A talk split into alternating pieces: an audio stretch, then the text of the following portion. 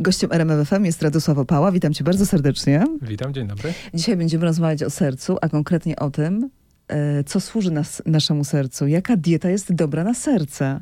Mhm.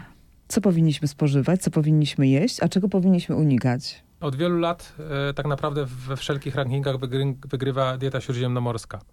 I to się nie zmienia. To jest faktycznie dieta dobra dla, dla sercowców i dla normalnych osób. Bardzo, bardzo zdrowa dieta.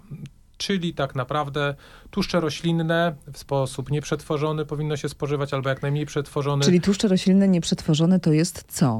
Na przykład oliwa z oliwek, na przykład w naszym przypadku, tutaj w naszej szerokości geograficznej, równie dobrze może to być olej rzepakowy, tylko starajmy się na tych olejach nie smażyć.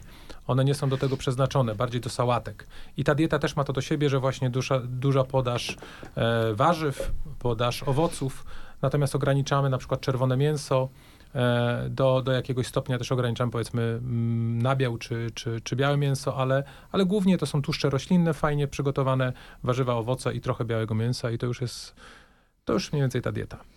Yy, czy jest taka aktywność sportowa, która jest dobra dla sercowców? Co byś po, po, polecił osobie, która ma problemy z sercem? Oczywiście Mhm. nie mówimy o bardzo poważnych problemach, ale gdzieś tam być może bierze jakieś lekarstwa na Mhm. serce, być może leczy się u, kardiologa. Mhm, No to będą wysiłki te bardziej tlenowe, tak? Czyli to są wysiłki, w trakcie których powiedzmy, żeby naprawdę czuć się bezpiecznie, to oczywiście trzeba podejść indywidualnie, ale myślę, że takie wysiłki do tętna około 130 uderzeń serca na minutę, to taki szybki spacer. To jest też forma, Czy to jest taki moment, już... kiedy idziemy, ale się nie męczymy? Możemy Tak, normalnie tak, oddychać. możemy swobodnie rozmawiać, ale to nie znaczy, że stoimy z psem na spacerze i jesteśmy na dworze przez godzinę. To I rozmawiamy z sąsiadką. Tak, i rozmawiamy z sąsiadką, a pies się zdążył cztery razy załatwić. To jest y, ruch stały e, przy pewnym obciążeniu, ale takim nie, nie, niespecjalnie uciążliwym, przyjemnym obciążeniu.